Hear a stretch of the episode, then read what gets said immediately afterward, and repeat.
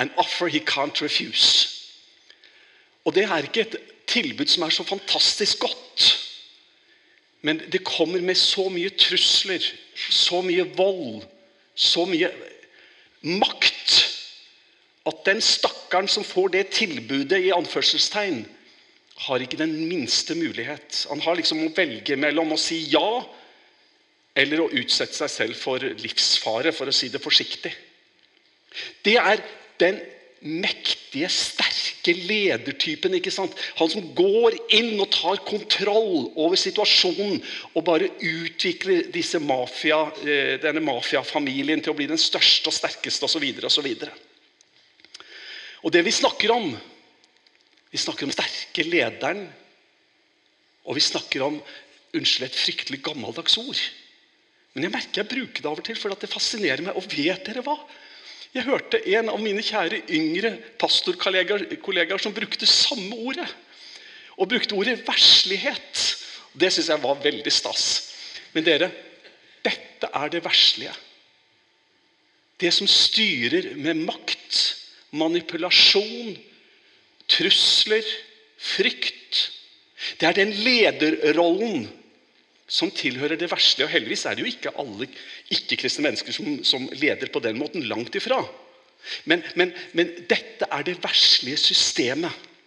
Den sterke lederen som opphøyes. Og så møter vi jo en motpol. Og så møter vi en annen beskrivelse.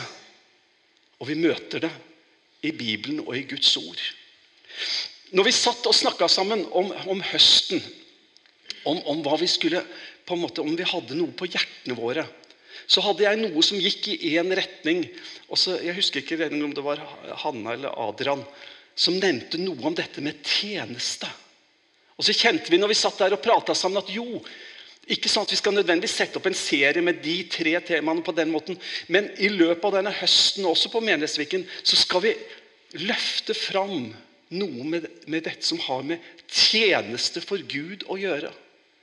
Hvordan Gud kaller oss til å være med å dele liv. Dele Hans ord. Være med å løfte og hjelpe og oppmuntre og være tjenere i Guds rike. Og Når vi snakker om Bibelen, så snakker vi jo veldig fort om doktriner, eller altså læresetninger. Hva Bibelen lærer oss. Vi kan komme inn på all verdens forskjellige viktige temaer. Og Jeg mener ikke å bagatellisere det. Men Bibelens mål for oss er jo ikke bare at vi skal liksom kunne ta en, en annen ph.d. eller noe sånt i, i, i, systematisk teologi eller eh, dogmatikk eller hva det måtte være. Altså, Det Bibelen lærer oss, det er at vi skal få noen kunnskaper og vi skal forståelse og vi skal få en formening om hvordan Gud er. Fordi sannheten om Gud og hvordan Gud der preger oss. Sånn at han kan vinne skikkelse i oss. Sånn at vi kan bli mer lik han. Det er jo det som er poenget. Poenget er jo ikke at vi skal kunne ramse opp masse kunnskap. Poenget er at den kunnskapen om Kristus skal forandre oss slik at våre liv reflekterer hvordan han er. Så da er det ikke bare kunnskapsformidling og kunnskapsinnhenting. Det er liv som blir forandra. At Bibelens budskap skal forandre oss. Og da Den sterke lederen har ingen plass i den sammenhengen. De som vil prege med manipulasjon og frykt og makt, opplever at det den Jesus som vi ønsker å følge, han var ingen sterk leder, i anførselstegn. Og Dere skjønner jo hva jeg mener med det. Han, han, han regjerte ikke med makt, med manipulasjon, med frykt og terror. Jesus var absolutt ikke en sånn sterk leder på den måten. Og så vet vi jo alle at en større og sterkere leder enn Jesus fins ikke. Det er ikke det jeg mener. Du, Jeg skal ta tid til å lese for deg ti vers. Det tar litt tid, men det tror jeg vi har tid til. Hør her, fra Markus 10. De var nå på vei opp til Jerusalem, og Jesus gikk foran dem. Disiplene var oppskaket, og de som fulgte med, var redde. Da tok han på ny de tolv til side og begynte å tale om det som skulle hende dem. Se, vi går opp til Jerusalem, og menneskesønnen skal overgis til overprestene og de skriftlærde. De skal dømme ham til døden og overgi ham til hedningene. Og de skal håne ham og spytte på ham, piske ham og slå ham i hjel. Og tre dager etter skal han stå opp. Jakob og Johannes, Sebedeus' sønnene, kom til ham og sa, 'Mester, det er noe vi vil be deg gjøre for oss.' 'Hva vil dere jeg skal gjøre for dere?' spurte han.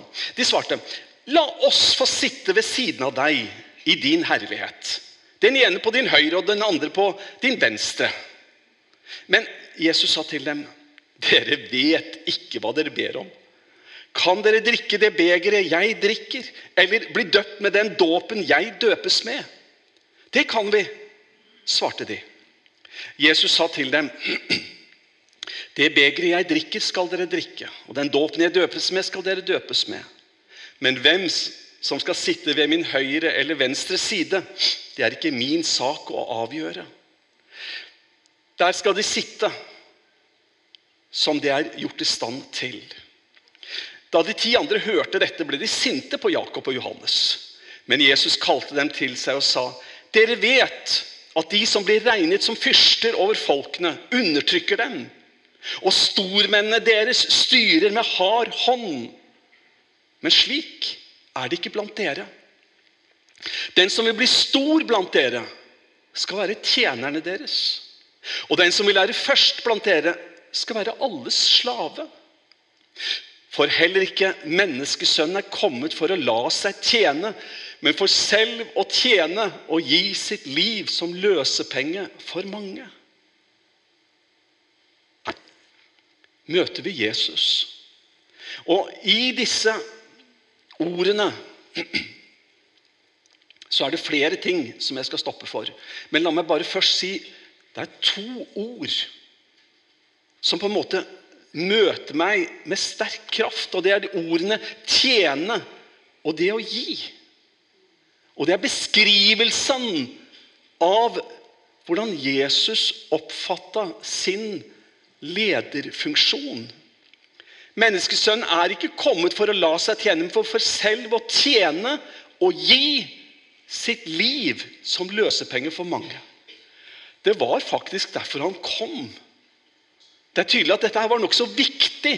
Jesus kom for å tjene og gi. Bildet av den største lederen det er jo et av de tragiske bildene. Det er så veldig mange av de. Fra I forbindelse med Ukraina-krigen og rett før så ser du Putin sitte på et bord ikke sant? med en enorm avstand og en ubeskrivelig pondus. Nå skal jeg vise deg et bilde, eller et maleri. da av eh, en annen type leder. Og dette, det er fra Nadværshallen. Der møter vi en leder som har et annet verdigrunnlag. Som har et annet fundament for sin tjeneste. Og Jesus han visste at det å tjene det er å tjene og gi. Og det er det som er å lede. I tillegg til de to ordene, det å tjene og gi, så er det fire korte setninger som jeg skal få lov til å understreke. Det ene er at det, det er en villighet til selvfornektelse og lidelse. Og dere, Dette er motpolen til det verslige. Det verslige er på mange måter det motsatte. Det er det selvopphøyende. Og det er å gjøre det jeg selv har fordel av. Det er manipulasjon, og det er planlegging, og det er å være beregnende. Men Jesus lærer oss villighet til selvfornektelse og lidelse. Dere, Jesus sier vi går opp til Jerusalem. Menneskesønnen skal overgis til overpresten og de skriftlærde. De skal håne ham og spytte på ham, piske ham og slå ham i hjel. Det var det Jesus sa på veien oppover. Det er ikke noen sterk, vellykka leder i verslig målestokk vi møter. Og apostlene som kommer inn i den tradisjonen Jeg må lese for deg hvordan, hvordan Paulus beskriver sin anførselstegn opphøydhet som apostel. Og Hvis det er en stund siden du har lest det, så er det egentlig nokså sjokkerende. Og jeg ville si at det er uverdig, og det skulle ikke være sånn. Selvfølgelig skulle det ikke vært sånn. Men det var sånn det var. Hør. Men for meg ser det ut som om Gud har satt oss apostler aller nederst. Vi er som dødsdømte, stilt fram som, sku, som et skuespill for verden. Både for engler og for mennesker. Vi er dårer for Kristers skyld dere er kloke i Kristus. Så fortsetter han. Vi er svake, dere er sterke. Dere får ære, vi får skam. Helt fram til nå har vi både sultet og tørstet. Vi mangler klær, blir mishandlet, er hjemløse og må streve for å livberge oss med våre egne hender. Når vi blir utskjelt, velsigner vi. Når vi blir forfulgt, holder vi ut. Når noen håner oss, svarer vi med vennlighet. Vi er blitt som utskudd i verden, som avfall for alle til denne dag. Ser du den steideren? Vi ser åndelig lederskap som en motpol til det verslige lederskapet. Vi møter Guds tjenere som ikke er der for sin egen skyld, men som har fått et kall om å være med å tjene og være med å gi. Når vi ser på disse ordene utskjelt, forfulgt, håna, så leser vi om en tjeneste som ikke er selvopphøyende, men som er Jesus' forherligelse. Um, og så vet vi at det hos oss alle er en, lid, en lengsel, en dragning imot det selvopphøyende. Jeg ser det godt i meg selv. Selvfølgelig gjør jeg det. Eller heldigvis gjør jeg det. At jeg ikke lever i et så fullstendig virkelighetsfjern og selvfornektende virkelighet. Det er noe hos oss alle sammen som søker ære og søker pidestallposisjonen. Men Den hellige ånd må få arbeide med oss. Den hellige ånd må få forme oss. Så har vi noen å se opp til, og så har vi noen fotspor å følge. For i tillegg til den tjenesten så står det også om å ikke søke egen ære. Å, takk skal du ha. Takk, takk.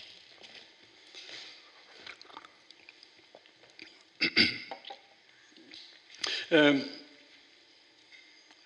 dere, for en time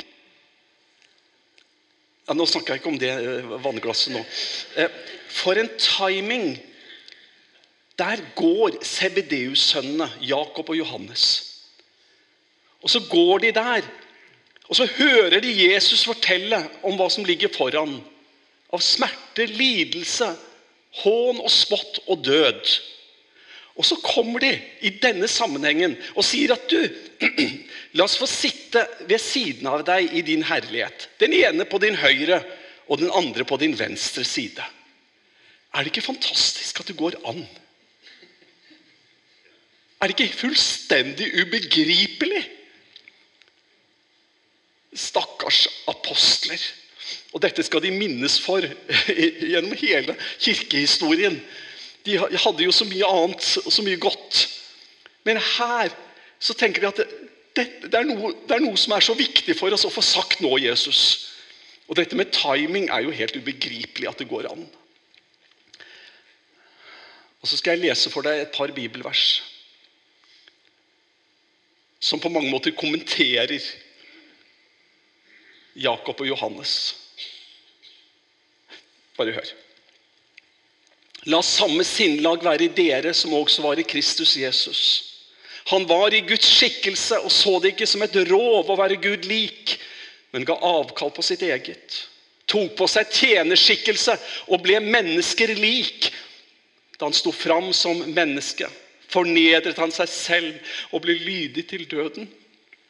Ja, korsets død. Det var Jesus. Det var hans sinnelag, som gir avkall, som kommer i syndig kjøds lignelse. Så kan vi jo tenke da Jakob og Johannes, stakkar Jakob og Johannes. De skulle få oppleve noe av smerten og lidelsen, og ja da, de skulle det.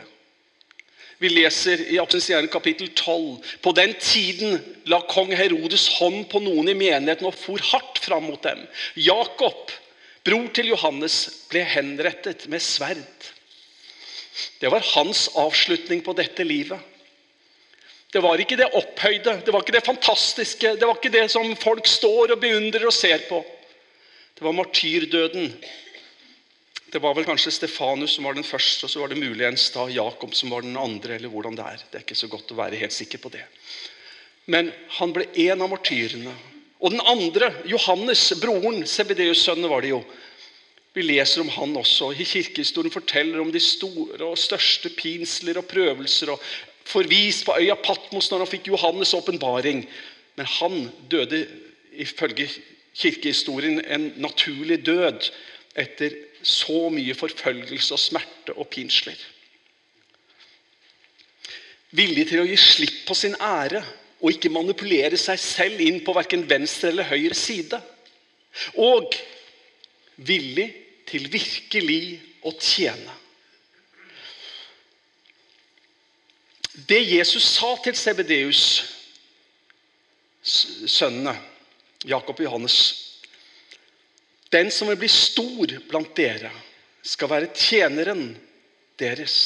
Og den som vil være først blant dere, skal være alle slave. Det er, det er så sterke ord. Og han fortsetter jo, ikke sant, for heller ikke menneskesønnen er kommet for å la seg tjene, men for selv å tjene og gi sitt liv som løsepenger for mange. Dere, Hvis vi snakker om lederen, i bestemt liksom sånn lederen det er ikke mange som kan være lederen. Jeg kan ikke være det. Men det er ikke mange som kan være lederen, og som har den kapasiteten og de, de evnene og det ønsket. Og i en Guds menighet, hvis det er strukturen, så er det liksom bare én det er plass for. Men så møter vi en helt annen måte å tenke på. Dere, det er trangt om å være lederen. Der er det ikke plass til mange. Men å være tjener, det er det plass til mange. Der, der er det mulighet for hver eneste en av oss til å være med. Og så leser vi om at det er slik man skal få lov til å være med og tjene det er å lede og tjene. For den som vil være leder, må være alles tjener, ja, slave. Det er den åndelige måten å lede på som er motpolen til den verslige måten å tenke på. Skal jeg avslutte straks nå? Vi har noen gode forbilder. Vi har det største forbildet av alle, og det er Jesus. Vi har apostlene. Vi har beskrivelsen i evangeliene. Og dere, vi har mer enn det. Ikke større sånn at jeg setter opp mot hverandre. Men dere, når jeg ser rundt meg Jeg ser folk med tjenersinn som jeg beundrer, som jeg ser opp til. Jeg sa det til Vidar her, det er ikke lenge siden, det var rett før han reiste på ferie. Vi snakka om en person i menigheten vår, og noen tenker kanskje at vedkommende ikke er den aller fremste på, i, i en del sammenhenger. Så sa jeg at jeg tror at vedkommende kommer til å stå langt foran meg i køen en gang. Og det var vi visst enige om begge to, at det gjaldt for oss begge.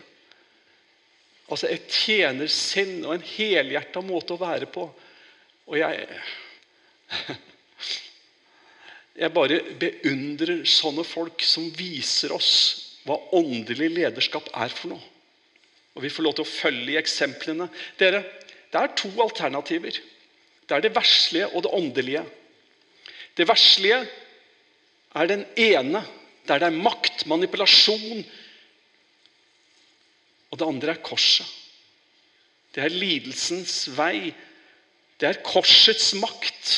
Korsets makt som forandrer. Korsets makt som gjør oss annerledes. Og dere, det viktigste er ikke at vi lærer mest mulig. Det viktigste er ikke at vi kan ramse opp flest mulig skriftsteder utenat. Det viktigste er at disse gudsordene preger oss, former oss, danner oss, forandrer oss. Slik at Kristus vinner skikkelse i oss. Det er Guds vilje med oss å gjøre oss til redskaper i Hans hånd, der vi fortjener Ham. Så tror jeg jeg skal avslutte med det og la alle de andre tingene jeg hadde tenkt å si, være til en annen gang. Men kjære, gode medvandrere. Tenk at vi får lov til å være tjenere. Tenk at vi får lov til å tjene hverandre. Oppmuntre hverandre til kjærlighet og gode gjerninger. Og da er det ikke det viktigste med kunnskap. Og dere, det er ikke engang det viktigste at vi er mange. Det, det, høres litt feil ut, men dere må forstå hva jeg mener. Det er Gud som gir vekst. Men det viktigste er at Kristus vinner skikkelse i oss, sånn at mennesker har mulighet til å se evangeliet gjennom oss, i det vi sier, i den vi er, i den vi gjør. At Jesus vinner skikkelse i oss. Og Det gjør når vi følger i hans fotspor. Han som sa at han ikke var kommet for å la seg tjene, men for selv å tjene og gi sitt liv som løsepenge. Så la oss stoppe med de to ordene. Å tjene og gi i Jesu navn. Amen.